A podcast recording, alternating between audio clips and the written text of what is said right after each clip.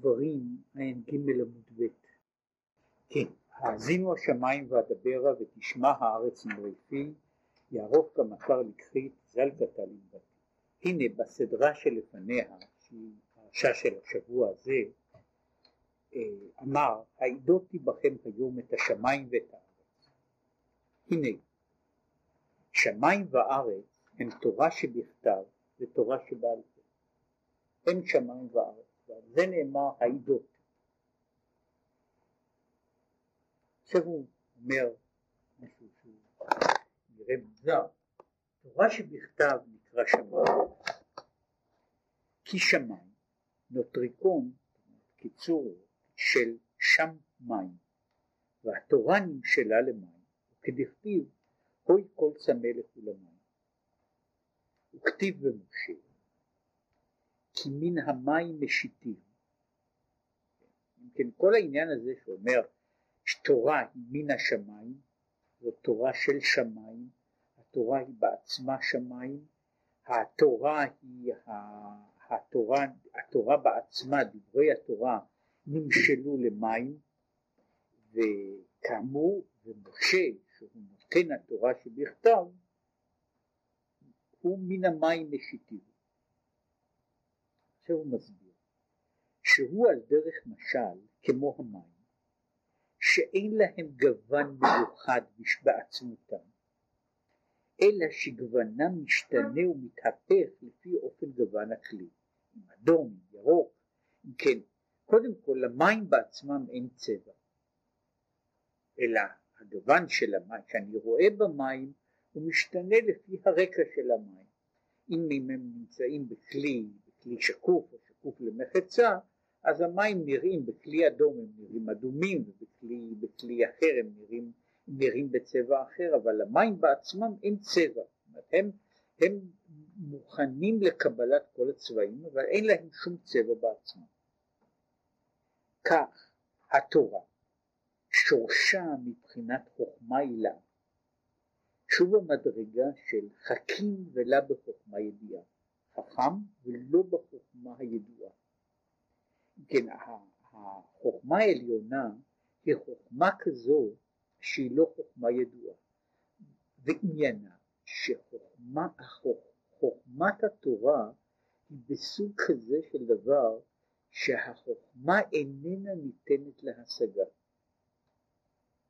כן, משום שיש אה, בימי הביניים היו אומרים על דבר מעין זה, שלו ידעתי והיטיב. אילו הייתי יודע את הקדוש ברוך הוא, אז הייתי בעצמי הקדוש ברוך הוא. כן, ש, שבעניין הזה הנקודה של, של, של הידיעה היא לא רק נאמר ככה איזה קוצר במשיג שילמד יותר, יבין יותר, ידע יותר, אלא שבעצם ככל שהמשיג יכול להשיג זוהי חוכמה שהיא לה, היא חוכמה לידיעה, החוכמה שהיא בעצם בלתי נודעת או בלתי ניתנת להיוודע. היא בלתי ניתנת להיוודע, היא בלתי ניתנת להשגה, וזהו העניין של חוכמה לא ידיעה, שהוא למעלה מגדר ההשגה והקבלה.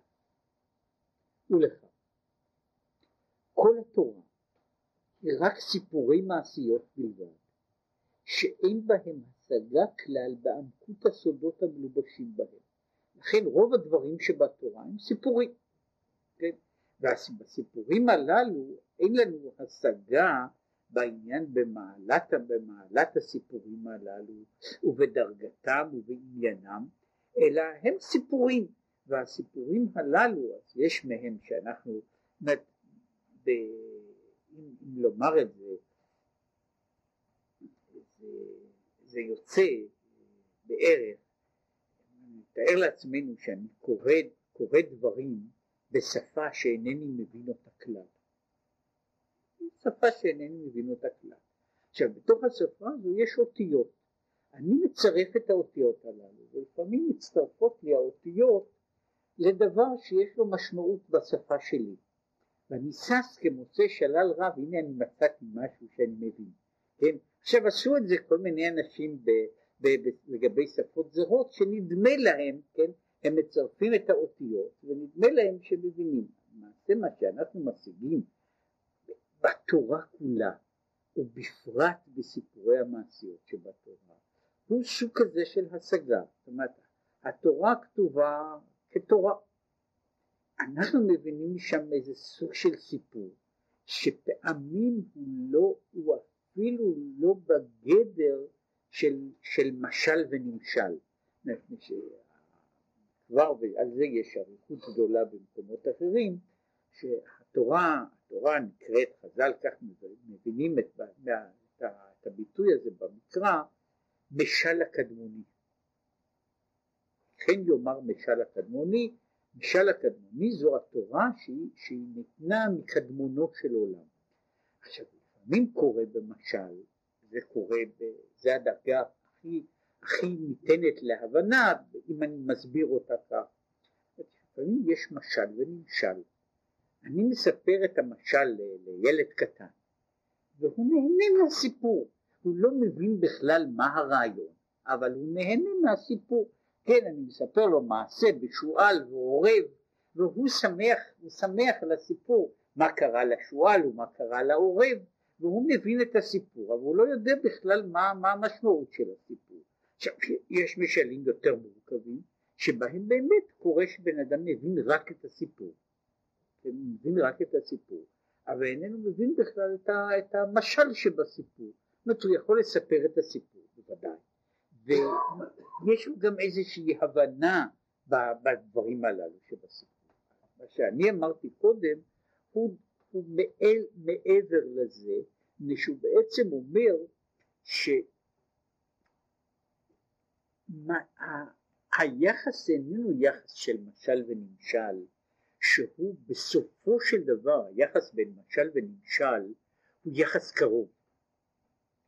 יש, יש יחס שלפעמים יחס של אחד לאחד, לפעמים יחס יותר, יותר רחוק בין המשל והנמשל, אבל יש יחס מסוים בין המשל והנמשל ויש איזו טרנספורמציה של המשל והנמשל. כשאני מדבר על שפה אחרת, על שפה אחרת ואני קורא בה את המילים שלי, כן, ו- ואני עושה מהמילים הללו מה שאני עושה, אין לזה שום, שום קשר אמיתי עם התוכן הפנימי של הדברים, אלא שלי נדמה שזה כך וכך. היה בזמנו, זה זוכר שהועיל לי ללמוד את הסדר, סדר א' ב' בלועזית, שפעם בא, סיפרו שפעם בא איזה יהודי שהיה סופר בזמנו, הוא בא לפני אחד הרבנים, אז הרב אמר לו שמאלף ב' של הגויים אפשר ללמוד במפורש שהוא אפיקורס. מה ייתכן? הוא אומר, אומר האותיות של שמך הם קלמן, כן? זה KLMN, ואחרי זה יש אותיות OPQRS, אומרת קלמן אפיקורס, כן, כן, עכשיו, אה, כל כמה שזה, שזה משעשע, כן, אבל ככה אי אפשר לקרוא את השפה, כן, השפה לא ככה, לא כך נקראת, כן, אבל אני זאת אומרת, מצטרף לצירוף שיש לו איזה משמעות בשבילי, ואני נהנה מן הצירוף הזה, אבל זה לא צירוף ששייך, ל, ששייך ל, ל, לגוף העניין, זה צירוף חיצוני. זאת אומרת, אני, אני קלטתי את הסיפור, כן, אני קלטתי את הסיפור, אבל אני לא קלטתי בעצם שום דבר מן העניין הזה, ויש כגון בכל העניין הזה, שאני אומר אותו, יש, הוא מופיע באיזה מידה, גם כן לא בהרחבה גדולה, אבל בצורה הרבה יותר חריפה וחדה, יש הקדמה מאוד מעניינת של הרמב"ן לפירושו לתורה, והוא כותב מעין הדברים הללו. למעשה אומר התורה היא שמותיו של הקדוש ברוך הוא, שמו, שמו של הקדוש ברוך הוא, ומה שמצטרף לנו משם סיפור הוא כמעט, אה, כמעט השלכה, השלכת אקראי לדברים. הוא מצטרף לסיפור יפה, אז אני, אני שומע, אני רואה מכאן את הסיפור, אבל זה בעצם, זה, זו שורה של שמות, או שם אחד שהוא אה, נקרא, נקרא לעצמו ואין לו קשר אמיתי עם הסיפור הזה, אלא כמעט באופן, באופן אה, מוזר, כך וכך יוצא הדבר הזה. הוא כותב שלמרות זאת, כל זאת, אומר שכיוון שהוא כותב פירוש על דרך הפשט בעיקר, אז הוא אומר שהוא מתעסק, הוא אומר במה שאני יכול להבין, אבל הוא אומר שצריך לדעת שאני אינני מפרש את התורה לגופה, אלא אני מפרש את, הגוף, את התורה, במובן הזה אני מפרש את, ה, את, ה, את הדבר, את ההטלה הזו של סיפורי מעשיות. מכאן בא גם מה, שקור, מה שמופיע ב, ב, במקומות אחרים, שלמשל הרמב"ם אומר, זה מפתיע לשמוע את זה דווקא אצל הרמב"ם, שהוא אומר שמבחינת התורה אין הבדל בין הפסוק ותמנע הייתה פילגש ואליפז בן עשיו והפסוק שמע ישראל השם אלוקינו השם אחד. עכשיו העניין הזה של ותמנע הייתה פילגש לאליפז זה לא כבר, כבר דורות אה, ייחסו את זה את השאלה הזו אה, כבר לזמן הבית הראשון כן איך אפשר, לה, איך אפשר לומר איך אפשר מה, מה בכלל יש משמעות לכל הסיפור הזה כן על כל על כל אלופי אדום ואלופי החורי ואלופי, ואלופי דישן ודישון והיה וענה וכל אלה, מה הם באים, מה הם באים לומר. אז כל זה הוא סיפור שיש לו, יש לנו רשימת שמות שאין לה שום משמעות בשבילנו, שום משמעות בשבילנו. הרמב"ם אומר שזהו, יש לזה אותה קדושה, אותו עניין, כמו לפסוק שמע ישראל. אומר, נכון שהפסוק שמע ישראל אומר בשבילנו יותר, כן? אבל בעצם העניין, המהות של התורה היא נעלמת בכל, בכל הדברים הללו. אומר, ואפילו הדינים הנאמרים בה. בסיפורי המעשיות בוודאי אין אנחנו מבינים, אפילו הדינים הנאמרים בה. כמו ויאמר, השם, ויאמר משה ויאמר השם אל משה וכולי. אינם מפורשים ומבוארים בכל פרטיהם עד שבאו חכמי הש"ס ופרשו אותה. אם כן, כשאני צריך, וזה זה, זה תרגיל שכל אחד יכול לעשות, ובזמנו מי שעסק בזה הרבה היה בעיקר רב סעדיה גאון, בתוך הוויכוחים שלו עם הקראים, שהוא אמר שמתוך דברי התורה עצמם, למרות ששוב, שנדמה לי שאני יודע מה הוא רוצה, כן? הוא נותן לי הוראות די ברורות, אבל כאשר אני צריך להגיע לאיזושהי הבנה, הלכה למעשה, אני מגלה שבעצם אינני יודע, אינני יודע מספיק, ולפעמים אינני יודע שום דבר. לא לדבר על מצוות שאינני יודע את משמעותן. זאת אומרת שאני פשוט לא מבין מה כתוב שם. אלא גם בדברים שאני יודע היטב מה כתוב שם, אני נכנס בפועל לתוך מערך עצום של, של אה, בעיות. מה, איך, איך מציירים את הדבר הזה, איך, איך מציירים את הדבר הזה בפועל. אומרת, ואז, מתברר ש, שלאותו דבר בעצמו יכולות להיות, יכולות להיות כמה וכמה פנים. שבכל אחת מהפנים הללו היא אפשרית מבחינה, מבחינה לשונית גרידא. כן, אם ניקח את, הפסוקים שעוד מעט הם יבואו לשימוש, כן, ולקחתם לכם ביום הראשון פרי עץ הדר וכפות תמרים, כן, וענף עץ אבות. מה זה בדיוק? בכל אחד ואחד מן הדברים הללו, מה זה פרי עץ הדר?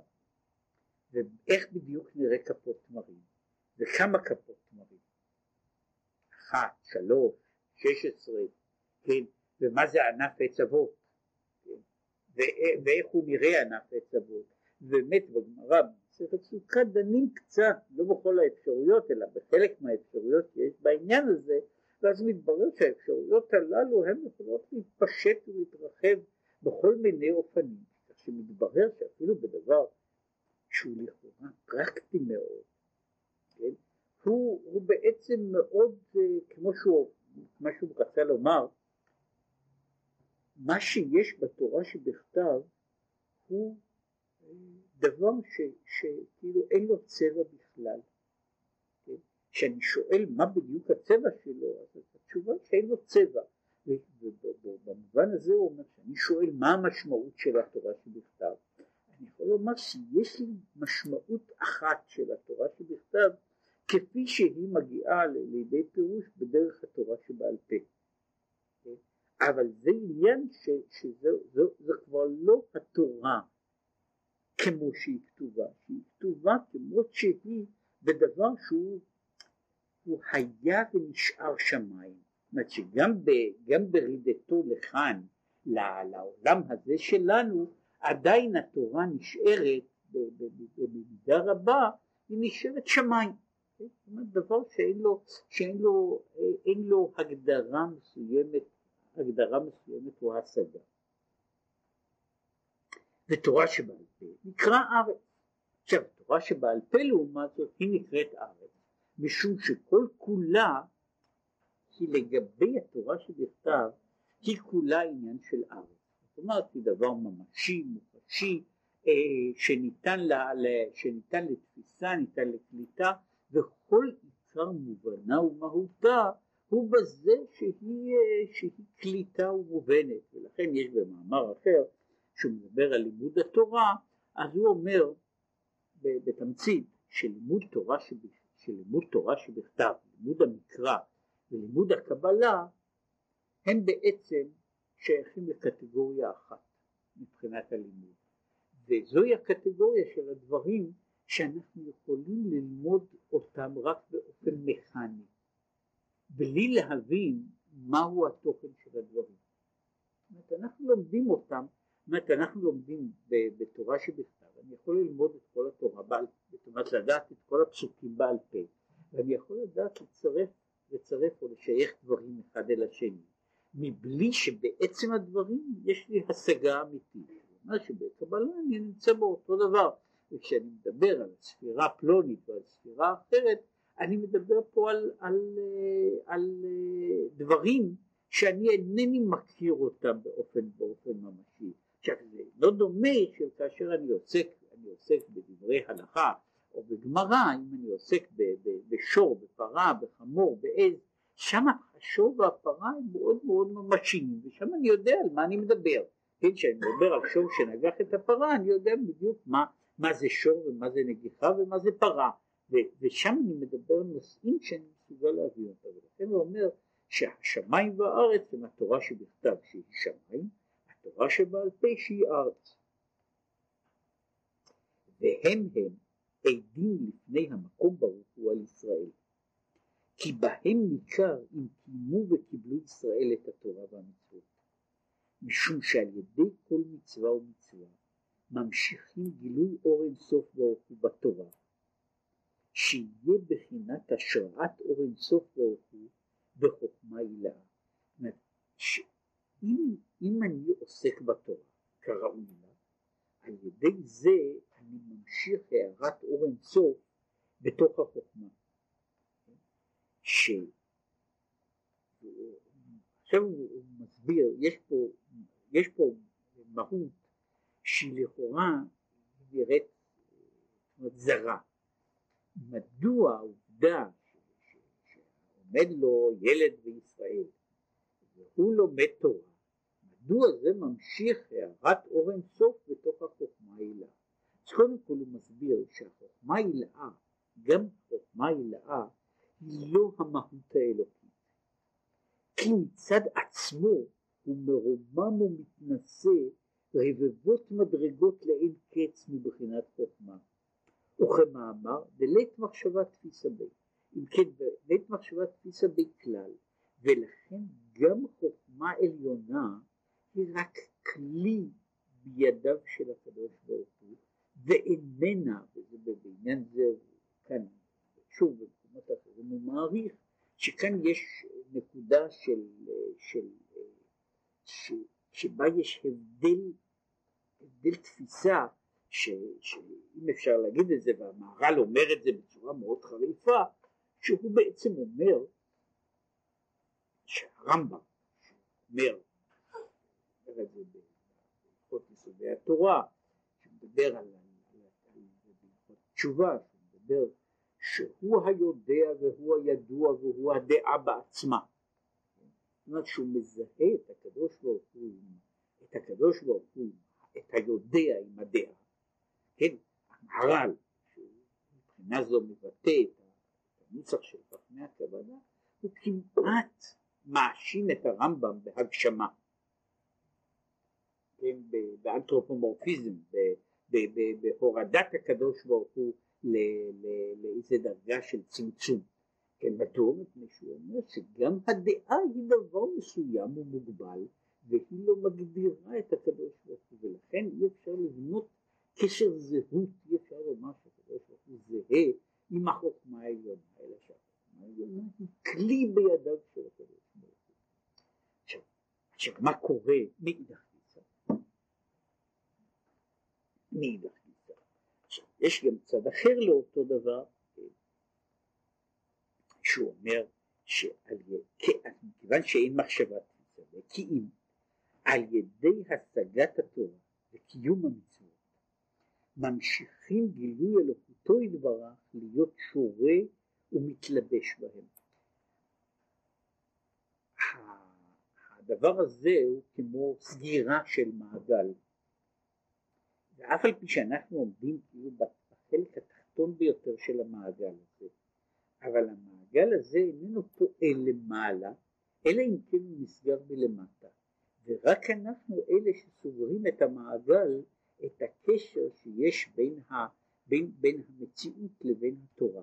וכאשר נוצר הדבר הזה, אז יש השראת אור אינסוף גם בתורה בעצמה, גם במקור התורה בחוכמה העליונה, כשם שיש ב, ב, נאמר במעגל חשמלי, כן? שבמעגל חשמלי, אם הוא לא נסגר באיזושהי נקודה, זה לא משנה איזה נקודה, יכולה להיות נקודה נמוכה שבנמוכה, אין זרם גם בקצה העליון, גם, גם קרוב ביותר למקור של הכוח, גם אז אין זרימה. הזרימה באה רק כאשר אני עושה את החיבור בין, בין, בין הדברים, אז נוצר מעגל שלם, והמעגל הזה עושה שיהיה, שתהיה השראה למעלה כמו למטה. בכל מקום לפי, לפי הדרגה שלו, וזו הסיבה ש, שיש הדברים הללו, לפעמים הם נראים, וזה בערך, בערך הצורה הזאת, שבאמת, אני לוחץ על מתג קטן, כן? ואני על ידי זה מפעיל איזה אה, מכונה אדירה. עכשיו, מה שמדוע המכונה לא פעלה קודם לכן? משום שהמעגל לא היה סגור. על ידי זה שלחצתי על המתג, אני סגרתי את המעגל. עכשיו, נכון שאצלי, בחלק הזה של המתג, הכמות של הזרם החשמלי קטנה מאוד, כן, והכמות של המתח והעוצמה שיש בהפעלה של מכונה גדולה הוא הרבה יותר גדול, אבל יחד עם זה המכונה הגדולה איננה פועלת כלל אלא אם כן אני, אני משלים את המעגל הזה ואם אין השלמה של המעגל שום דבר לא יקרה, כן, שלא, הוא לא קורה לא למעלה ולא למטה. וכמה, כמו שכתוב אלה המצוות אשר יעשה אותם האדם וחי בהם, בהם דייקה, פירוש שממשיך אור אינסוף מחיי החיים להיות שורה בהם. ולכן אמרו חז"ל, ועשיתם אותם, שכתוב חסר, כאילו ועשיתם אתם. ובעצם הוא מפרש כאילו ככה, אלה המצוות אשר יעשה אותם האדם וחי בהם, אז הוא מפרש לא רק במובן הזה יעשה אותם האדם, במובן שיקיים אותם האדם, אלא שהאדם כבר יכול עושה את המצווה. למצווה אין קיום בלי האדם, והמצווה נעשית על ידי האדם המקיים אותה, ואין לה, לה ממשות כשלעצמה. ולכן הוא אומר, ועשיתם אתם, אתם כתיב, ואז הוא אומר, אומר כאילו שעשאוני, שמי שמקיים את התורה, את המצוות, אז מעלה עליו הכתוב כאילו עשאוני. זה ביטוי חריף מאוד, כן, אבל המשמעות שלו היא אותה משמעות. רק הסגירה הזו של הדברים היא עושה את, את, את המשמעות, את הממשות של כל העולמות. זהו עניין עוסק בתורה לשמה, ופירושו לשם התורה עצמה. הוא עוסק בתורה לשמה, זאת אומרת, הוא עוסק בתורה כדי שיהיה אור אלוקי בתוך התורה, משום שאם הוא איננו עוסק בתורה, אין גם אור אלוקי ששורה בתוך התורה בעצמה. וזה שכתוב, כל הנקרא בשמי ולכבודי בראתי ויצרתי ואף עשיתי. כל הנקרא בשמי, היינו כללות נשמות ישראל. שבראם לכבודו, ואין כבוד אל התורה, כי התורה היא בחינת לבושים. וכמו שכתוב, עוטה אור כסלמה, שזה אחד התיאורים איך מהיכן נבראה האורה, מהיכן נבראה התורה, שהיא מעטה האורה של הקדוש ברוך הוא, לבוש האור של הקדוש ברוך הוא. והיינו כמאמר חז"ל, ורבי יוחנן קרא למאנה מכבדותה, היה קורא לבגדיו כבודי. כן? עכשיו הוא אומר שלכן, שלכן כשהוא אומר את זה, שלכבודי, הכבוד הוא המלבוש שמלביש את, ה, את, ה, את ההוויה האלוקית, שהוא כמו על דרך משל, המלך אין רואים אותו כשהוא ערום, זולתי כשהוא מלובש בלבוש מלכות. אך המלך בעצמו בכבודו, אין דרכו להלביש את עצמו, זולתי שהעבד מלביש אותו. כמו, כמו כן, מלך מלכי המלכים הקדוש ברוך הוא, כמו שהוא בעצמותו, אי אפשר לו להיות מושג ומתגלה בנבראים. דלית מחשבה בית, כי אם על ידי שמתלבש בתורה, שהיא חוכמתו ורצונו ברוך הוא, והלבשה זו הוא על ידי ישראל דווקא. אז אנחנו כבר יכול, אנחנו עושים את כבודו של הקדוש ברוך הוא, שהוא את המלבוש. אנחנו כבר יכול מלבישים את מלך הכבוד, אנחנו עושים לו את המלבוש. אנחנו עושים לו את המלבוש על ידי זה שאנחנו עוסקים בתורה. וזהו, ודיברת בה, ודיברת הוא מלשון הנהגה והמשכה, כמו ידבר עמים. בם, היינו המשכת אור אינסוף ברוך הוא בתורה. הוא מפרש, הוא אגב מפרש את זה שוב במקום אחר, הוא מדבר על זה, הוא אומר ש, שמה זה נקרא שהאדם קורא בתורה, הוא קורא לקדוש ברוך הוא בתורה, על ידי התורה, במכשיר הזה של התורה, הוא קורא לקדוש ברוך הוא, זה הוא קורא בתורה, כן? שזוהי הדרך שבה, שבה הוא קורא לקדוש ברוך הוא, וזהו העניין של הבריאה שהוא מדבר בה, הבריאה שהוא מדבר בה, שהיא העניין הזה של אה, אנחנו יוצרים את מה שהוא קורא לו את הכבוד האלוקי. כן, הכבוד פירושו את, ה... את האופן שבו יש קשר בין הקדוש ברוך הוא לעולם, שלולי הכבוד, זאת לולי הקשר הזה, שהוא קורא לו, שהוא קורא לו גם המלבוש, לולי זה לא היה קשר בכלל בין הקדוש ברוך הוא, שהוא אין סוף, לבין איזשהו עולם. ואז הקדוש ברוך הוא, מה שקורא לזה, מסתלק, מתעלה מכל העולמות, ואז הוא אין, אין קשר, והווייתו, הווייתו היא מעבר לכל קשר עם איזושהי מציאות. ועל ידי זה אנחנו, אנחנו יוצרים, יוצרים את, המ, את, ה, את האפשרות של קיום העולם.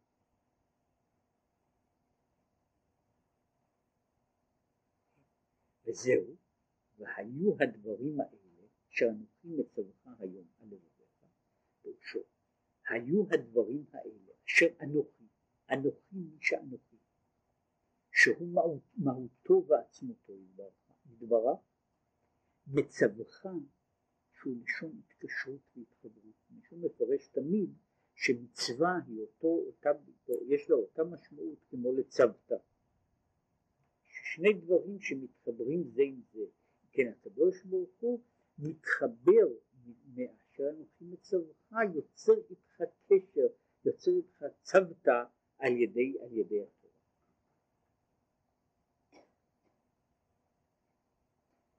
עכשיו, הכוח הזה שיש בנפש לגרום המשכה הזאת על ידי התורה, על ידי התפילה שקדמה לתורה. עכשיו הוא נכנס, עד כאן זה היה כאילו, תיאור בהיקף גדול. התיאור בהיקף הגדול אמר שהאדם מישראל שעוסק בתורה יוצר על ידי זה מעגל שלם של זרימה והמעגל הזה הוא בעצם בורא או על כל פנים נותן ממשות לכבוד האלוקי והכבוד האלוקי הוא, זה שמחיה את העולם מה שנקרא השכינה ההתגלות האלוקית שמחיה את כל העולמות כולם מראשיתם לסופם אחר כך העניין האחר הוא מהו עניין זה שהאדם יכול להיות קורא בתורה? מהיכן יכול, יכול האדם לבנות את ההמשכה הזאת? זאת עכשיו השאלה היא במובן של מה, מה אנוש, מה האדם, מה האנוש כי תדאהו? מה, מה כוחו של האדם שהוא יכול להפעיל את כל הדברים האלה? מדוע הוא יכול לעשות, הוא יכול באמת לקרוא בתורה, מדוע העיסוק שלו בתורה יש לו משמעות בתוך, גם לגבי התורה בעצמה, מישהו אומר שהתורה, שהתורה מקבלת את, את האור מזה שה, שה, שהאדם האדם עוסק בה, שעל ידי זה נוצר, נוצרת איזושהי יצירה, איזו זרימה של אור מלמעלה. זה בא על ידי התפילה שקדמה לתורה. כי האומר אין לי אלא תורה, אפילו תורה אין לו. מפני שצריך להיות תחילה בחינת ואהבת בקריאת שמע, למסור נפשו באחד. כן. הסדר הוא שקודם יש ואהבת, ואחר כך כבר היו הדברים האלה. קודם ואהבת אחר כך יש העניין הזה של העיסוק, העיסוק והלימוד בתורה ומשום כך יש הקדמה של התפילה, כל מה שיש בה, כדי שיוכל על ידי כך לה, לה, להביא את ההערה בתוך, בתוך התורה שהוא לומד.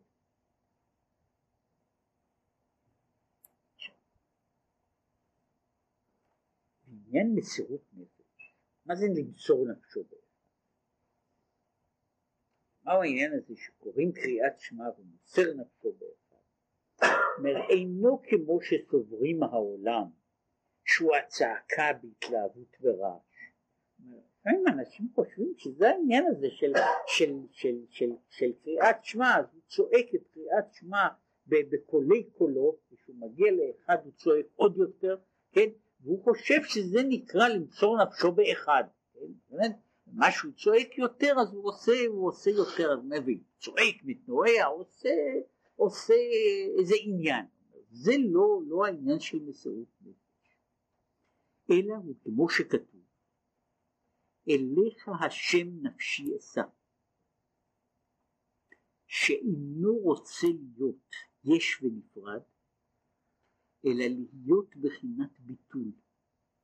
לשאת נפשו ורוחו אליו יתברך, שהוא מקור החיים, דכל הקמא כלך השיבי. עכשיו, המסירות נפש, הוא אומר, מדבר פה על מסירות נפש באופן, יש מסירות נפש בכמה דרכות.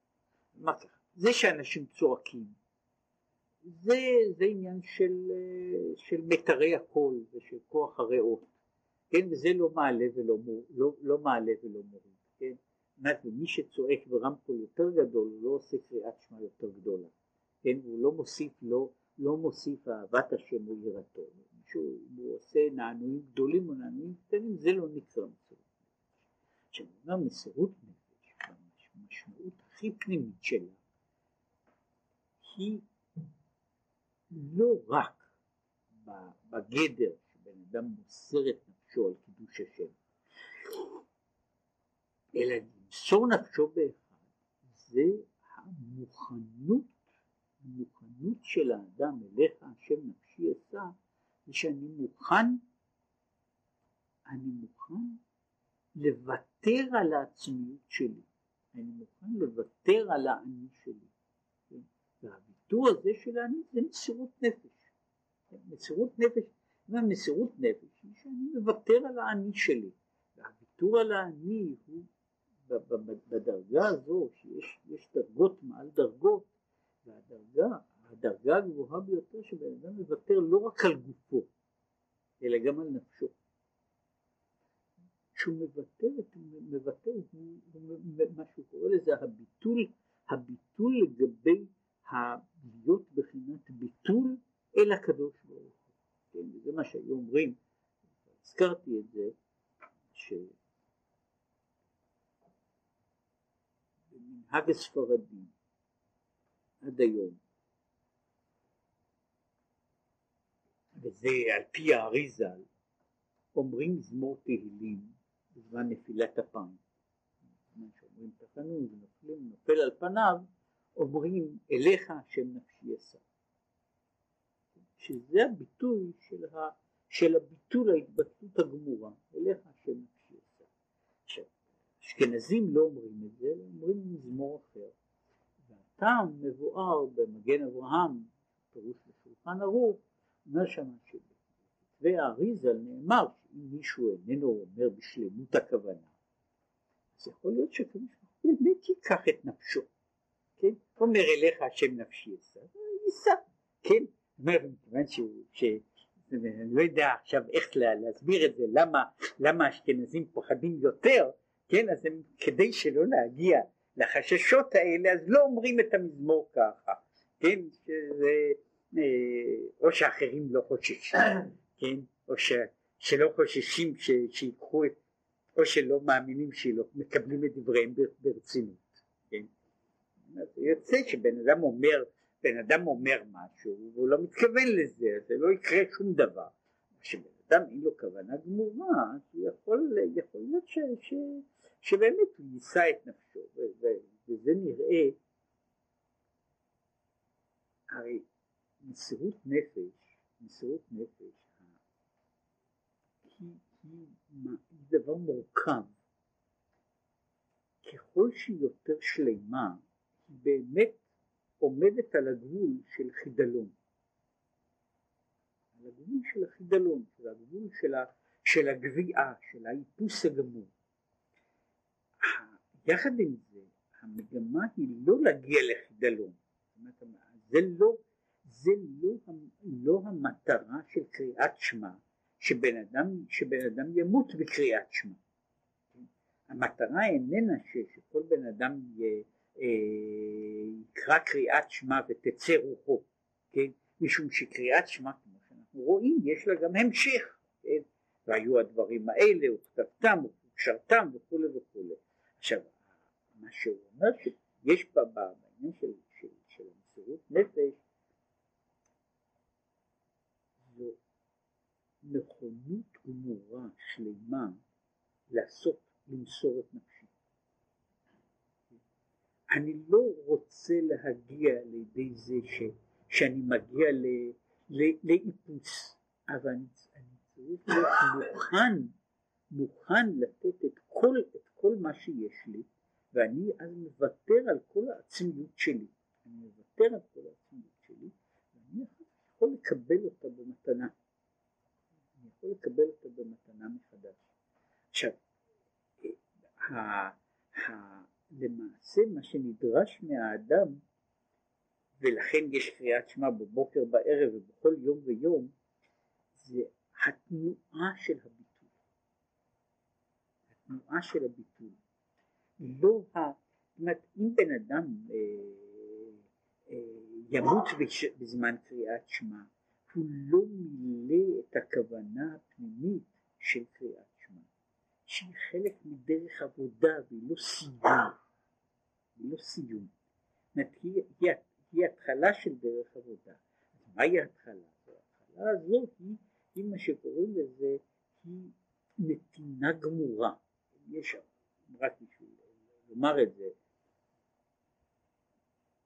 שוב, באופנים שונים, בדרגות שונות, בעולמות שונים, התפיסה הזו של להגיע לדמימה גמורה היא משאת נפש, כן?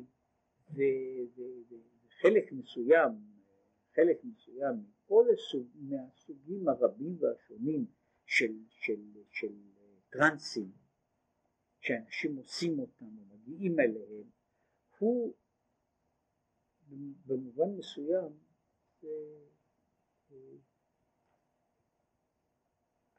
השקעה, כמעט הרדמה של כל הכוחות הפעילים של הנפש. עכשיו הנקודה היא פה שהוא אומר שזה לא, לא הנדרש, כן, מפני שאם אם היה, אם הייתי, אם המטרה הייתה לבנות כלי ריק לגמרי, עין ואפס גמור, אז, זה, אז לשם זה לא היה צריך להיות אדם. האם המטרה שלו היא העיון, כן? מה? יש התנועה הזו לקראת, לקראת הנקודה הזו של הביטוי. הנקודה, זאת הוויתור, הוויתור הגמור, שהוא איננו מגיע עד ל... איננו עובר את הקצה האחרון, איננו עובר את, ה, את המעבר האחרון הזה של שקיעה גמורה בתוך הדברים. שאמרתי, זה זה נקרא וזה מתואר במקום אחר, העניין שזה חטא בני אהרון, כן, בקרבתם לפני השם וימותו. שאנחנו אומרים שזה ודאי כל החטאים שבן אדם חוטא בהם, יש הרי רשימות ארוכות של חטאים, החטא הזה הוא, אה, איך לומר, קודם כל הוא לא חטא מצוי, לא חטא מצוי, לא רואה הרבה אנשים שיש להם חשש שייכשלו בעבירה זו, כן, יש אנשים שיש להם, יש, עבירות הרבה יותר מצויות מאשר העבירה הזו, זה, ודאי, להעמיד את זה, זה ודאי החטא הכי יפה שבן אדם יכול לחטוא בו, כן, אבל זה עדיין נחשב, זה עדיין נחשב לחטא ולא למעלה, כן, זה נחשב לחטא מפני המטרה הזו של, של המוות איננו מטרה, המוות איננו מטרה, מהי לפי זה המטרה? המטרה היא התנועה שהאדם עושה בזה שהוא מסוגל להשליך מעליו את כל, את כל, ה, את כל הכבלים של העצמיות שלו עד לקצה האחרון. ואז, ואז הוא איננו, אז יש איזו נקודה שהוא אה, חוזר, חוזר אחורנית. ורק אז הוא יכול לחזור אחורנית. אבל הוא אומר, מכוח זה הוא יכול לעשות את, ה, הוא יכול לעשות את, ה, את, ה, את סדר העבודה. כי הקדוש ברוך הוא מקור החיים, וכל הקמי כלך השיבי. כמו שאומר, לך השם הגדולה והגבורה וכו', שבחינת גדולה שהיא בחינת התפשטות חסדו דבריו, להחיות העולמות אלף אלפים וריבו רבבות של, של, של עולמות ושל יצורים בכל העולמות? הוא לך, לך הוויה, מבחינת ביטוי.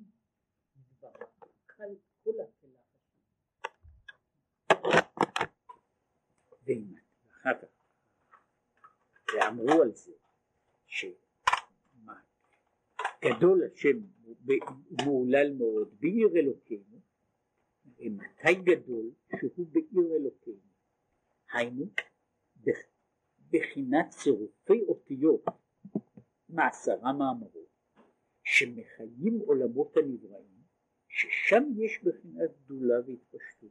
עכשיו הגדולה, שאנחנו מדברים עליה, גדולת השם היא דווקא בעיר אלוקינו בתוך כל הצירוף, הוא קורא לזה העיר, מי שאומר שהספר יצירה מדובר על זה ששתי אבנים בונות שני בתים וכך הלאה, אז יש בתים שנבנים. עכשיו כשאנחנו מדברים על, על הכללות הגדולה, אז יש עיר שלמה שנבנית מן האותיות הללו, כן? והעיר השלמה הזו שהיא המכלול של העולם, בה גדול אלוקינו, שבה מתגלה, מתגלית הגדולה הזאת. וכל אלה הם כלך השיבה לגביו, ולכן כשהוא, שהוא, שהוא מהרהר בדברים הללו, והוא יודע שהקדוש ברוך הוא מקור החיים, והוא רוצה לנגוע במקור החיים, פירושו של דבר שהוא משליך את כל מה שיש, כל מה שיש בתוך המציאות. ועל כן, תקנו לנו אנשי כנסת הגדולה, שתיים לפניה, שתיים לך. אז הוא מפרש זמרה כמו זמירה של קנים. אומרת, מה זה פסוקי זמרה? פסוקים שכורתים, הפסוקים שחותכים, שמה התפקיד שלהם? לזמר עריצים, לחתוך את ה... לחתוך את, ה, את הכוחות של הרע, או כמו שהוא אומר שם, רוממות אל בגרונם וחרב פיפיות בידם, שמתוך רוממות, הרוממות זה יוצר חרב פיפיות שאפשר על ידה לכרות את הדברים, הדברים של רע. מישהו פה מדבר, זה, זה כמובן בעניין הזה זה מאמר מוסגר, התפקיד של ההתעוררות של פסוקי דזמרה הוא בין השאר לכרות את, את, כל, את כל הכוחות, את כל הכוחות האחרים שמעכבים, שנכנסים בתוך העניין. ההתלהבות הזו היא לא התלהבות לשם, לשמה, כן, או לשם, לשם, לשם uh, שירה, היא התלהבות כדי שעל ידה בן אדם יוכל בכוח ההתלהבות הזו, הוא יכול לנקות את עצמו כדי שהוא יוכל להגיע אחר כך לקריאת שמע מתוך, מתוך, אה, מתוך מוכנות אמיתית, שאם לא כן, אם לא כן, אז גם קריאת שמע לא תהיה קריאת שמע, ממילא כל ההמשך לא יהיה.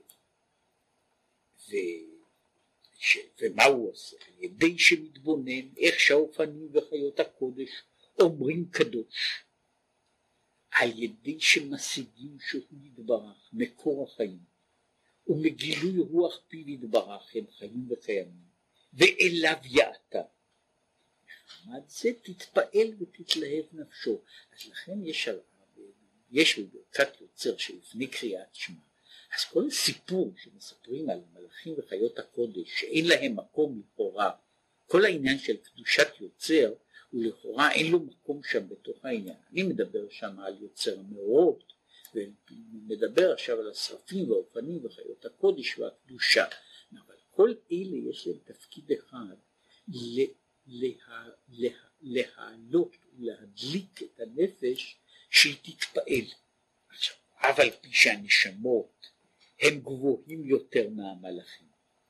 אז בעצם השאלה היא למה אנחנו צריכים להסתכל, ללמוד מה המלאכים עושים, למה המלאכים לא יסתכלו עלינו ולראות מה אנחנו עושים.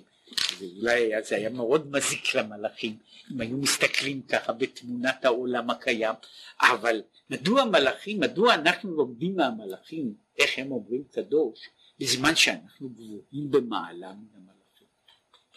אסביר שבכל אופן מכל מקום צריכים להתבונן מעניין אהבה ויראה של המלאכים. מפני שדברים אלה הם הגורמים שתתחכם גם נפש השכלית. ומזה תתפעל גם היא. שזהו חלק מהעניין. הוא האדם היה נפש טהורה בלבד הוא לא היה נזקק לכל, לכל התהליך הוא לא היה נזקק לתהליך הזה להסתכל במלאכים משום שהוא היה נדבק בשם מכוח עצמו בדרגה גבוהה יותר מאשר המלאך. אבל מכיוון שהאדם מורכב הוא הוויה מורכבת ובתוך ההוויה הזו יש כמה וכמה הוויות אחרות שיש בהן מה שקוראים לזה הנפש התבונית שהיא תבונה והיא לא כשלעצמה היא צריכה, צריך להסביר לה כדי שהיא תבין. היא איננה קולטת דברים מכוח עצמה, אלא היא זקוקה, ולכן אנחנו רואים דוגמה לפנינו ועל ידי הדוגמה הזו אנחנו מביאים שגם הנפש, הנפש השכלית של האדם, גם היא תתעורר יחד עם הנשמה האלוקית שבתוכו. וזהו, ונתתי עשב ושדך לבהמתך, היינו נפש הבאנו, שנזונה מהמלאכים שהם נקראים עשב. אמרת, הנפש, הבהמה, שהיא הנפש הבעמית של האדם, היא אוכלת את המלאכים. זאת היא ניזונה מהמלאכים. מדוע? שהיא מסתכלת במלאכים, ועל ידי זה יש לה התעוררות. זאת אומרת, מהצד הזה אומר שכל פסוקי וזמרה, מה יש בפסוקי וזמרה? בכל, ה, בכל המחזור הזה. יש שם תהילות השם, הן בתוך ההיסטוריה, והן בתוך המציאות. זה יש, אם מסתכלים על זה, כל פסוקי וזמרה ערוכים בעצם רק על עניין אחד, כן, שזה, אלה הם הדברים שמדברים בהם. עכשיו למה? מפני שאנחנו, נפשנו ש, שכלואה בתוך מסגרות מסוימות, אינה יכולה להגיע ל, ליחס ישר אל הקדוש ברוך הוא, אלא אם כן היא אה, יכולה להבין את הדברים במושגים שהיא מבינה אותם. עכשיו אנחנו יכולים להבין את, את ניסי השם בתוך, במה שהיה בעבר, אנחנו יכולים להבין את גדולת השם בתוך המציאות שבעולם, ואף על פי שכמו שהוא אומר, מעלתו של הקדוש ברוך הוא היא מעבר לבריאת העולמות. ובריאת העולמות, וכל העולמות כולם, אינם אלא כלח השיבי. והם לא הדבר, הם לא פארו של הקדוש ברוך הוא. הם לא פארו של הקדוש ברוך הוא. אף על פי כן, כדי שאנחנו נוכל להתפעל, אנחנו זקוקים לדבר ממין אחר. יש, יש בצד הזה, וזה קורה מפעם לפעם, כן, היה פעם, סיפרו פעם שהיה רב אחד, היה איש צעיר והלך הלך לאיזה מקום ו, ורבו נתן לו, שהסמיך אותו, אמר לו, אני מייעץ לך שלפני שאתה הולך לקהילה, שתלמד היטב בעל פה את לוח המולדות. מתי יהיה מולד הירח בחודש זה ובחודש זה ובחודש זה. טוב, מכיוון שהיה תלמיד הגון אז הוא שמע בפי, מפי רבו. כשהגיע לקהילה התברר שיש שם, היה שם איזה גביר ותקיף בקהילה והגביר הזה שאל את הרב מתי יהיה המולד של החודש הבא והרב מכיוון שהוא התכונן הוא ידע לענות לו. ואז הגביר התפעל התפעלות גדולה ואמר שכל הרבנים שהיו בקהילה הזו שאת כולם הוא רדף וזה וגירש לא היו תלמידי חכמים כראוי מפני שאף אחד מהם לא ידע לענות לו לענות תשובה על השאלה הזו. עכשיו מה יוצא? שלפעמים מה שהקטנים מתפעלים מאדם גדול הוא לא מגדולתו אלא מדברים לגמרי לא דברים גדולים אלא לפי ההבנה וההשגה שלהם זהו דבר שהם יכולים להעריך אותו שאת גדולתו העצמית הם בכלל לא יכולים להשיג. מה הם יכולים להשיג? דברים, פקים קטנים, כן, וזה, זהו הדבר שבו הם נתלים, וזהו הדבר שמשם הם יכולים לנהוג. אז מבחינה זו הנפש שלנו, כאשר היא פה בתוך העולם הזה, היא לא יכולה לא להשיג ולא להבין, אלא במאמץ וביגיעה גדולה ואחרי זיכוך גדול, משהו מהעניין של ה... מבחינת אינסוף. מה אנחנו מבינים? אנחנו מבינים את מה שנקרא לזה הפרפראות. ומזה אנחנו מקבלים את ההתפעלות הגדולה. ועד היום יש, יש יהודים רבים, כן, ש, ש, שהדבר היחידי שהם יזכרו בין מדרשה ובין מדברי תורה, הם יזכרו איזה גימטריה. עכשיו הגימטריה יש, ב, יש זה, זה מה שקרה. לבן אדם היה מחבר של, של, של ספר הטור, כתב פירוש לתורה. והפירוש התורה הוא בתמצית, הוא כותב שם בהקדמתו, הפירוש הזה נמצא, מאוד לא, הוא לא היה במיוחד פופולרי, אבל הפירוש הזה נמצא, והוא בנוי בעיקר על פי פירוש הרמב"ן. הוא, אה, הוא מבוסס על הפירוש הזה, הוא ממשיך אותו, מפתח אותו בכל מיני צדדים. עכשיו אלא מה, לפני כל פרשה הוא הוסיף ככה לשם העניין והשעשוע פרפראות. גימטריאות, ראשי תיבות, ודברים כיוצא בזה. עכשיו מה קרה? כן, אפשר לראות את זה כמעט בכל החומשים הקטע הזה של הפרפראות מופיע מודפס בכל החומשים, הפירוש בעצמו שזה היה עיקר עבודתו, זה כמעט אף אחד לא ראה, כן? מדוע? זה אותו דבר, כדי להבין את הגדולה, וכשאני רואה שפה יש גימטריה יפה, שיש ראשי תיבות, אז באמת אנשים, אנשים נהנים להבין שם את העניין של, של איך הוא מפרש דבר פסוק לפי עומק ולפי לפי, לפי הרחבה ולפי פשט ודרש ורמז, אז זה כבר לא שייך להשגה של כולם. עכשיו בעניין הזה ההתפעלות שלנו מגדולת השם בתוך המציאות היא ההתפעלות שבעצם היא הפרפראות אבל זה מה שעושה עלינו רושם זה מה שעושה רושם על, על הנפש שלנו בהיותה בתוך הכלים הללו. ולכן אנחנו, כל, כל פסוקי וזמרה וכל מה שיש הוא מדבר על הדברים הללו. וזהו לכבודי בראתיו יצרתיו אף עשיתיו. שהם שלושה לבושים מחשבה דיבור ומעשה בריאה שהם כנגד בריאה יצירה עשייה מחשבה ושכל נקרא בריאה שהוא יש מאין. וכמו שכתוב והחוכמה מאין תימצא. משום שלגבי החוכמה אנחנו איננו משיגים את מקורה ושורשה, כאילו נופלת לנו. ודיבור הוא בחינת יצירה, כמו הצורה, שהוא גילוי החומר בלבד ולא חידוש מעיקרו. זאת אומרת היצירה היא מה שקוראים העיצוב, בריאה היא הולדת הוויה מאין ליש.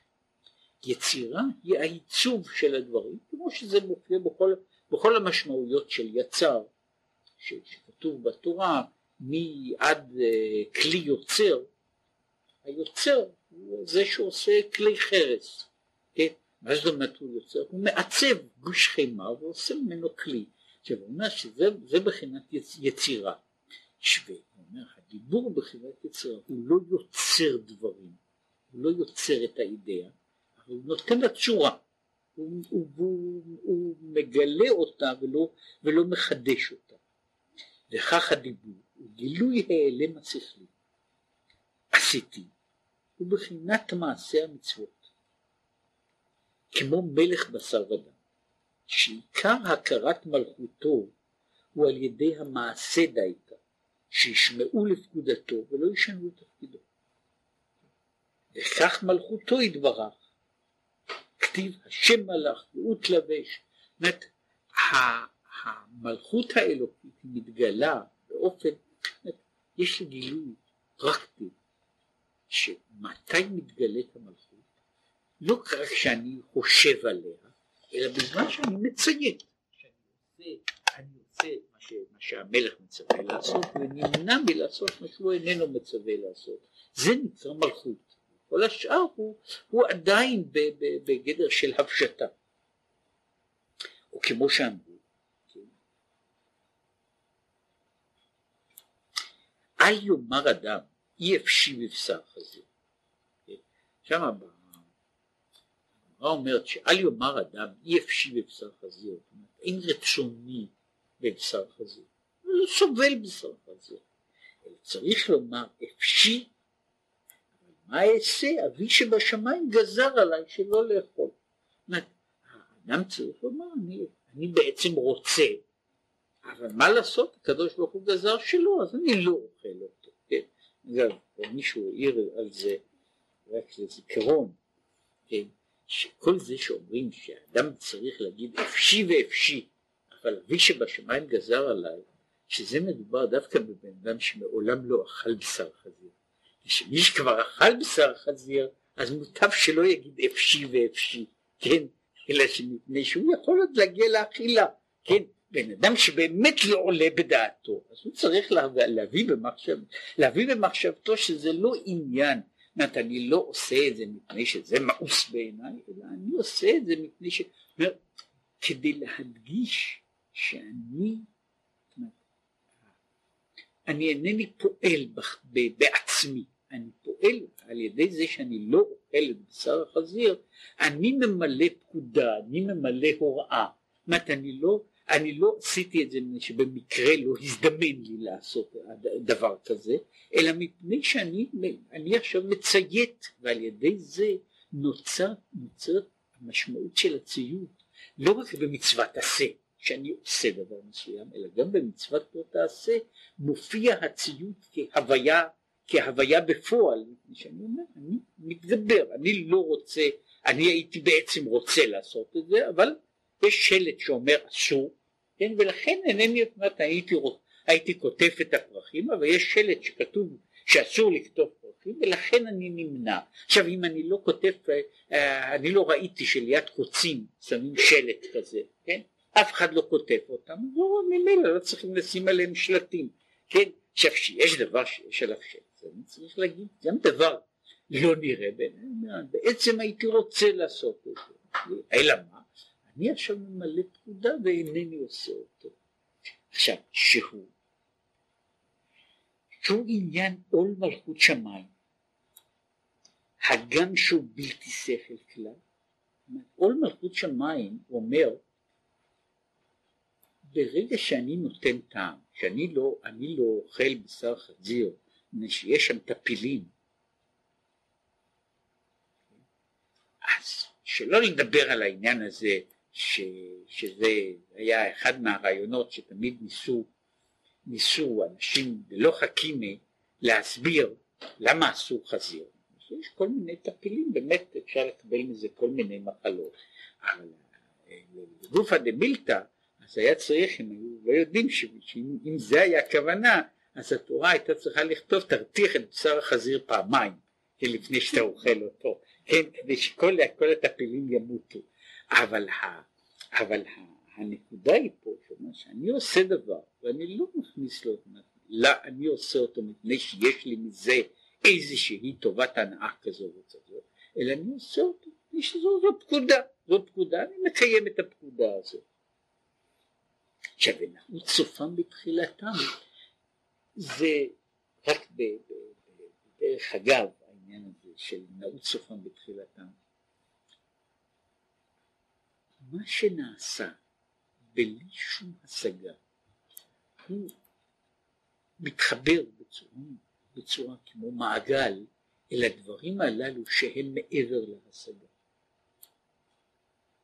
יש, יש, יש מעגל שבו מתחבר זה, מה ככה, שאומרים שתכלית הידיעה שלא נדע, אז זוהי תכלית הידיעה, וזו ידיעה שבתפילה צריך לעמול ולהתייגע הרבה, שבן אדם מגיע אחרי שהוא יודע כל כך הרבה, הוא יודע כמה שהוא לא יודע.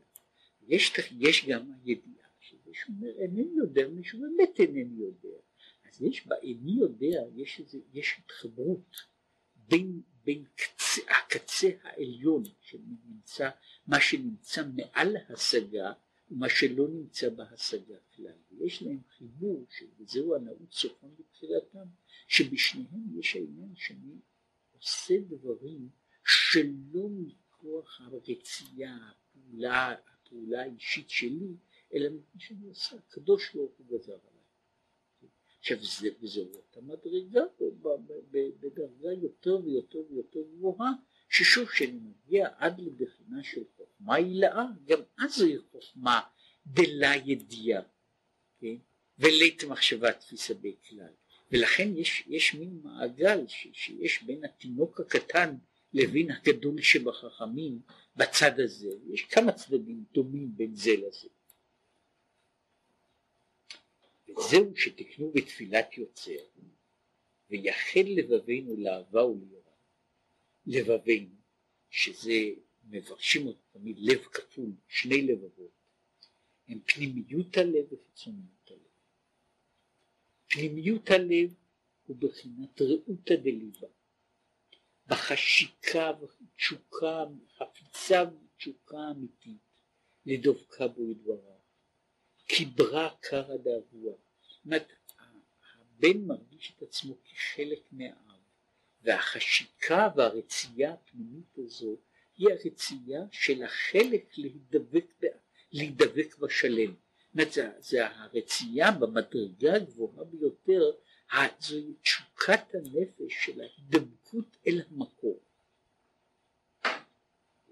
השם אלוקינו שלנו ממש, ואם צריך להתבוננות כלל, כמאליו תתלהט. עכשיו בדבר כזה, בדבר כזה הוא איננו צריך להתבוננות, שבדבר, הדבר עם עצמו איננו צריך ביאורים, איך הוא.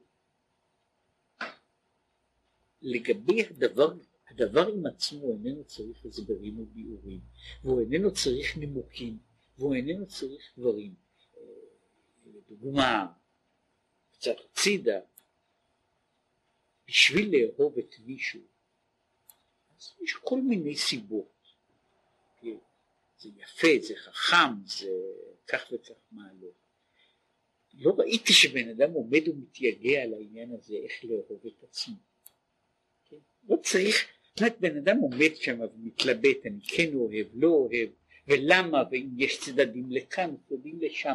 היחס של האדם אל עצמו, הוא לא זקוק לכל ההסברים האלה. אינני זקוק להסתכל בעצמי בראי כדי להגיד כמה אני יפה, ולכן אני החלטתי להתאהב ב, ב, ב, ב, בדמות הזו. זה הולך לבד, כן, וזה לא משנה איך אני נראה עכשיו. אז זהו סוג של דבר שהוא קורא לזה שהוא איננו זקוק להתבוננות, מפני שהוא, הוא, זוהי הוויית עצמו. עכשיו מבחינת הנפש האלוקית בטהרתה, פנימיות נקודת הלב, היא לא זקוקה לטעמים ולא זקוקה לנימוקים. היא מרגישה את שייכותה אל הקדוש ברוך הוא והיא לא צריכה שום הסבר.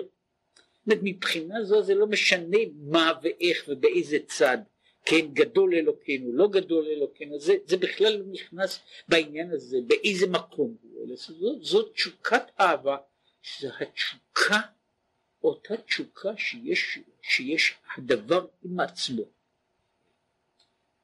אבל אמנם חיצוניות הלב שהוא מחמת נפש הבהמית שמסתרת.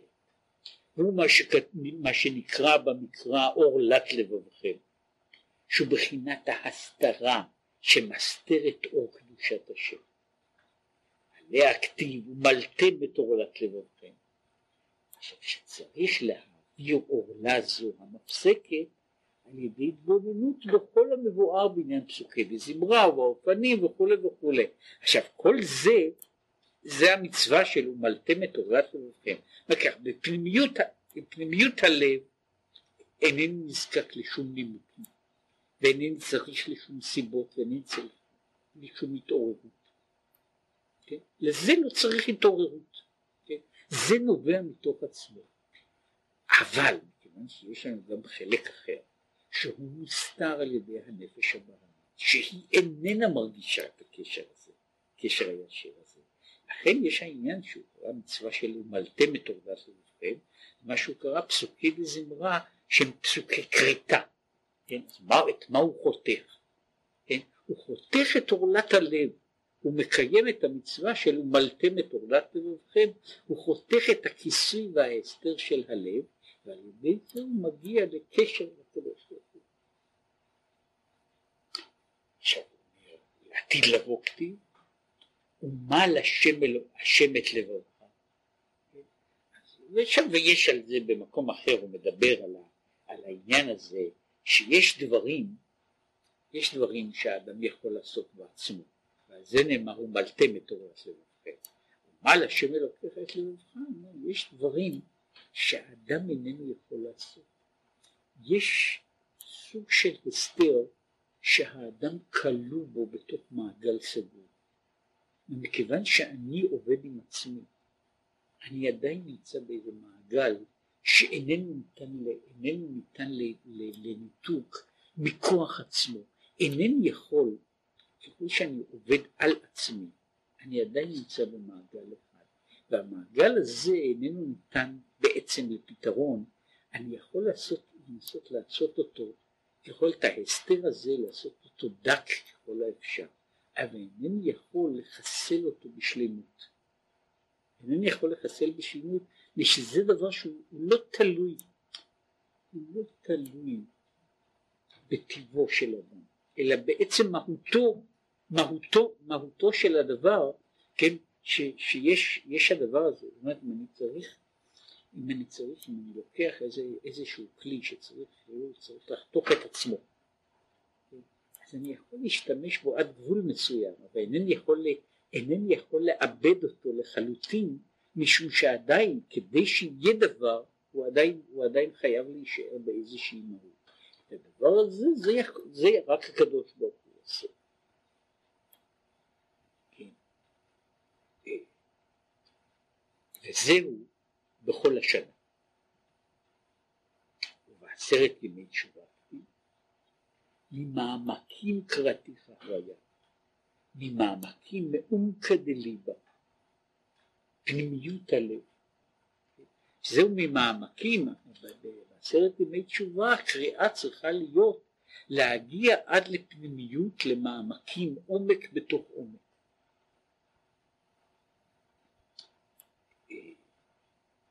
או כמו שאומרים במזמור של, של, שמתחילים מאלול עד, עד אחרי שמחת תורה, עד, אומרים את העניין הזה אה,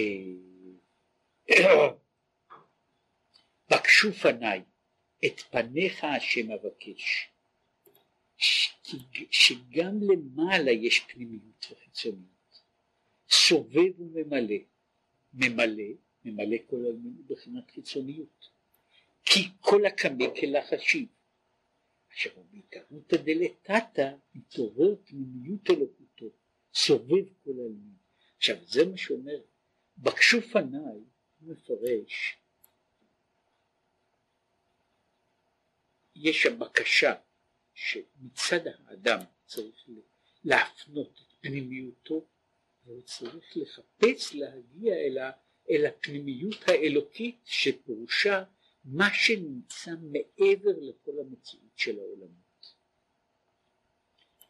אל תת באף עבדיך. זה באותו עניין. היינו, כי יש עבד למטה כלי בני ישראל עבדים. עכשיו, ואברהם אוהבי הוא למעלה מבחינת עבד, כבן לפני המלך. זאת אומרת, יש מישהו עבד המלך, ויש מישהו בבחינת בן, שהוא אוהב את המלך. אברהם אוהבי.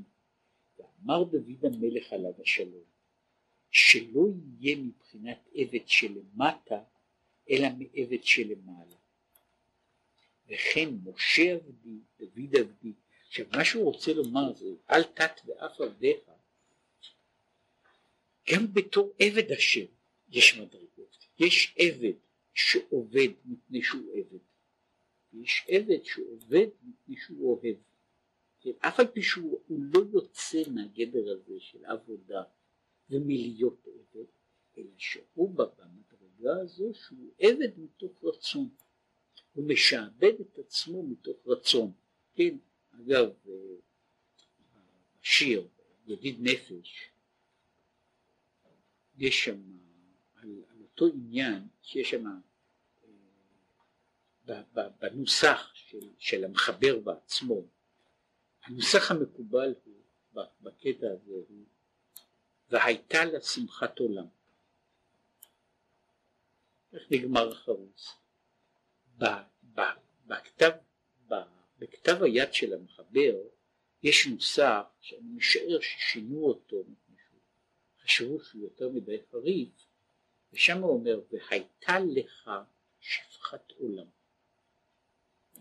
זה אותו עניין הזה של העבד הנרצע שהוא אומר כי אהבך. הוא לא עבד מפני שהוא חייב להיות עבד, הוא עבד מפני שהוא רוצה להיות עבד. זה מה שאומר שעל הנשמה והייתה לך שפחת עולם, זאת אומרת שזה, העניין של אהבה, וזה מה שהוא קורא לזה משה עבדי, דוד עבדי, שאומר שהיו, יש כמה אנשים, יש אנשים שקוראים לעצמם עבד, אבל יש רק מעטים מאוד שהקדוש ברוך הוא קורא להם עבדי. יש רשימה קטנה מאוד, מצומצמת מאוד של אנשים בכל המקרא שהם, ש, שהם, שהקדוש ברוך הוא קורא להם עבדי. וזהו התואר הכי גבוה של מי שרצה להיות, להיות עבד השם, שהוא כאילו מוסר את עצמו לעבדות השם מתוך אהבה. וזה שכתוב באף עבדיך, שהוא כמו שכתוב אף עשיתיו, ברטיב יצרתיו אף עשיתיו, בחינת מעשה בלי טעם, שמשרת לפני אדונו ועושה רצונו אף שאין אומר לו טעם לכל דבר. אז זה העניין הזה ש, שמי שעושה עבודת עבד הוא זה שאומר אחרי כל ההשגות וההבנות והידיעות הוא משליך את כל אלה ואומר אני לעשות רצונך אלוקיי חפצתי. זאת אתה אומר לי ואני עושה וזה העניין הזה של העבד שהוא, שהוא עושה במסירות גמורה שהוא מוסר וזה חלק מהעניין הזה של המסירות שבן אדם מוסר לא רק את כך וכך שעות בשביל הקדוש ברוך הוא רבע שעה אלא שהוא מוסר לקדוש ברוך הוא שהוא מוסר לקדוש ברוך הוא גם את עצמו. והדבר שהוא מוסר את עצמו זה בזמן מסוים שהוא מוסר לו גם את, ה, את תפיסת האני של עצמו. תפיסת האני של עצמו. כך אני עושה דברים מפני שאני רוצה לעשות אותם מפני שאני חושב שיפה לעשות שאני מוותר על עצמי אני עושה אותם מפני שאתה רוצה שאני אעשה אותם כן? שזוהי זהו המעבר שהוא קורא לו המעבר של מסירות נפש שאני עושה את זה לא מפני שאני רוצה אלא אני עושה את זה מפני שאתה רוצה. עכשיו זה לא אומר שאני צריך לעשות את זה מתוך דווקא מתוך ייסורים אלא שזה זה, זה המעבר הוא מה מהו הכוח המניע? הכוח המניע יכול להיות שזה עניין של רצוני ויש עניין שהכוח המניע אני רוצה לעשות את רצונך ועל ידי ייחוד שני לבבות בקריאת שמע. אחר כך ההמשכה על ידי התורה, לכבודי ברתי יצרתי ואף עשיתי. לפיכך נקראים שמיים וארץ, התורה, בשתי הדרגות שלהם נקראים עדים, העדות עמכם היום את השמיים ואת הארץ. עד שאמר, האזינו השמיים ואדבר, תשמע ארץ אמרו, יערוב כמתה. כי יש שתי בחינות בתורה. האחד, תלמוד שמביא לידי מעשה, שהוא ללמוד כדי לדע הדין אם נצרך למעשה. וביורו לא סגי, לא די, עד שידע ויוחקק בלוח ליבו. ועל זהו שכתוב יערוף כמטר לקחי. זאת אומרת, יש עניין של לימוד. נכון שלא כל מה שאדם לומד הוא דבר שהוא צריך לעשות אותו כעת. אבל שבן אדם לומד מתוך הכוונה, מתוך הכוונה שהדברים הללו הם לא תיאוריה. ברגע שאני לומד דבר שאני יודע שהוא תיאוריה בעלמא, כן, ושהוא לעולם לא יגיע לידי מימוש, ואני לא מתכוון להביא אותו לידי מימוש, זהו מין אחר של דברים. יש דבר שבן אדם לומד דברים, כן?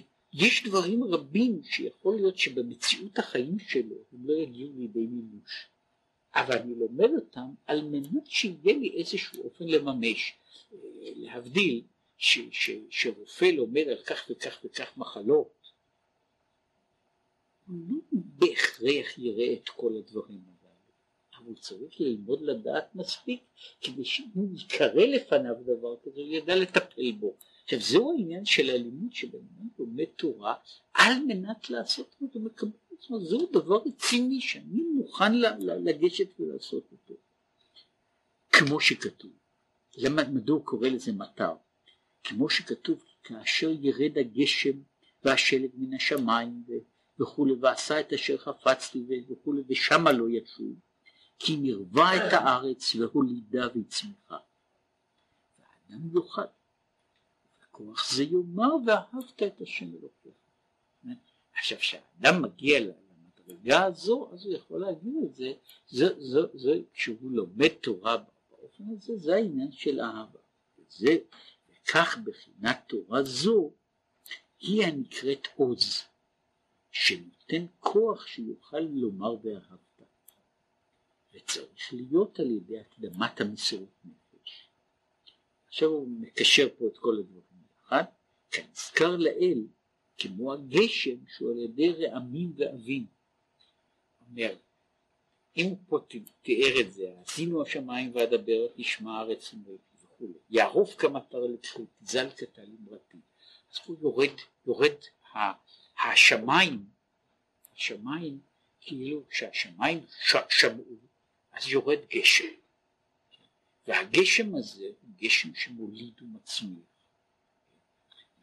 גשם לא בא לבד, גשם לא בא סתם ככה. זה צריכים, יש, יש עננים, יש רעמים, יש ברקים, הרעמים והברקים והעננים זה כל מה שעושים בתפילה, זה כל מה שעושים בתפילה כדי שיוכל אחר כך לרדת גשם.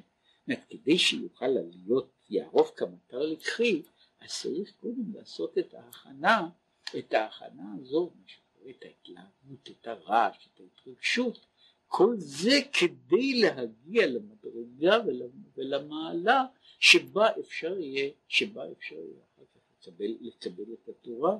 באופן הזה, ברגע שהוא מקבל תורה, מה שמדבר פה התורה, הגשם והשלג שיורד מהשמיים המטרה שלו היא שירד? צריך להיות דבר שמצמיח, כן? וכשאדם לומד תורה על הדרך הזו, שהוא רוצה שהיא תצמיח דברים, זאת אומרת הוא לא רוצה שהיא תישאר ככה, שהיא תישאר בעננים, כן? שהיא תישאר ב... ב... אז, אז, אז יש גשם שיורד, כן? אם לא אז לא יורד שום דבר, כן? הוא מעדיף שיורד יש לו משהו, אה, בעצם ההבדל בין הגשם בעננים והגשם על הארץ הוא בזה שבענן הוא הגשם מה שהוא קוראים הוא ערפל, מופשט, כן? יושב שם בעננים, כן? כשהוא יורד, כשהוא יורד לארץ זה העניין שהוא מגיע ל, ל, לצורה שיש לה, שיש לה, שיש לה ממשות וזה את ה, את ה, כדי להגיע לזה שאדם יוכל ללמוד שהתורה תביא אותו למעגל של, של עשייה ושל דבקות. וכמו שהוא אומר זה, זה המעגל הזה שקושר אליו את השמיים ואת הארץ. כן, מי שאומר את זה אומר שבן אדם כמו משה רבינו שהוא הביטוי של האיש של התורה הוא יכול להגיד לשמיים ולארץ לשמוע תעמדו, אני קורא אתכם לבוא. כן, מדוע? מפני שהוא במובן מסוים, הוא יוצר את השמיים ואת הארץ. מה שהוא דיבר קודם על העניין שהאדם, שהשמיים והארץ, התורה במהותה הפנימית היא מקבל את הגילוי שלה מכוח האדם העושה, ואז הוא זה שעושה את השמיים החדשים והארץ החדשה, ומהשמיים הללו אחר כך יורד הגשם. שנה טובה, ואומרים אה, צריך מן הסתם, בטוח שכולם פה צדיקים גמורים, אז אה, אבל, אה, אבל ביום הכיפורים זה גם אפילו לצדיקים גמורים הם צריכים קצת יום כיפור, כן, זה בוודאי מישהו לא צדיק גמור אז יש לו רווח גדול מיום כיפור, מישהו צדיק גמור אז הוא גם כן צריך יום כיפור כדי להתעלות יותר למעלה. אז זה צריך uh, עניין כזה של, של, של, של צמים וכולי וכולי, זה, זה כל זה כדי להגיע להערה של הקדוש ברוך הוא.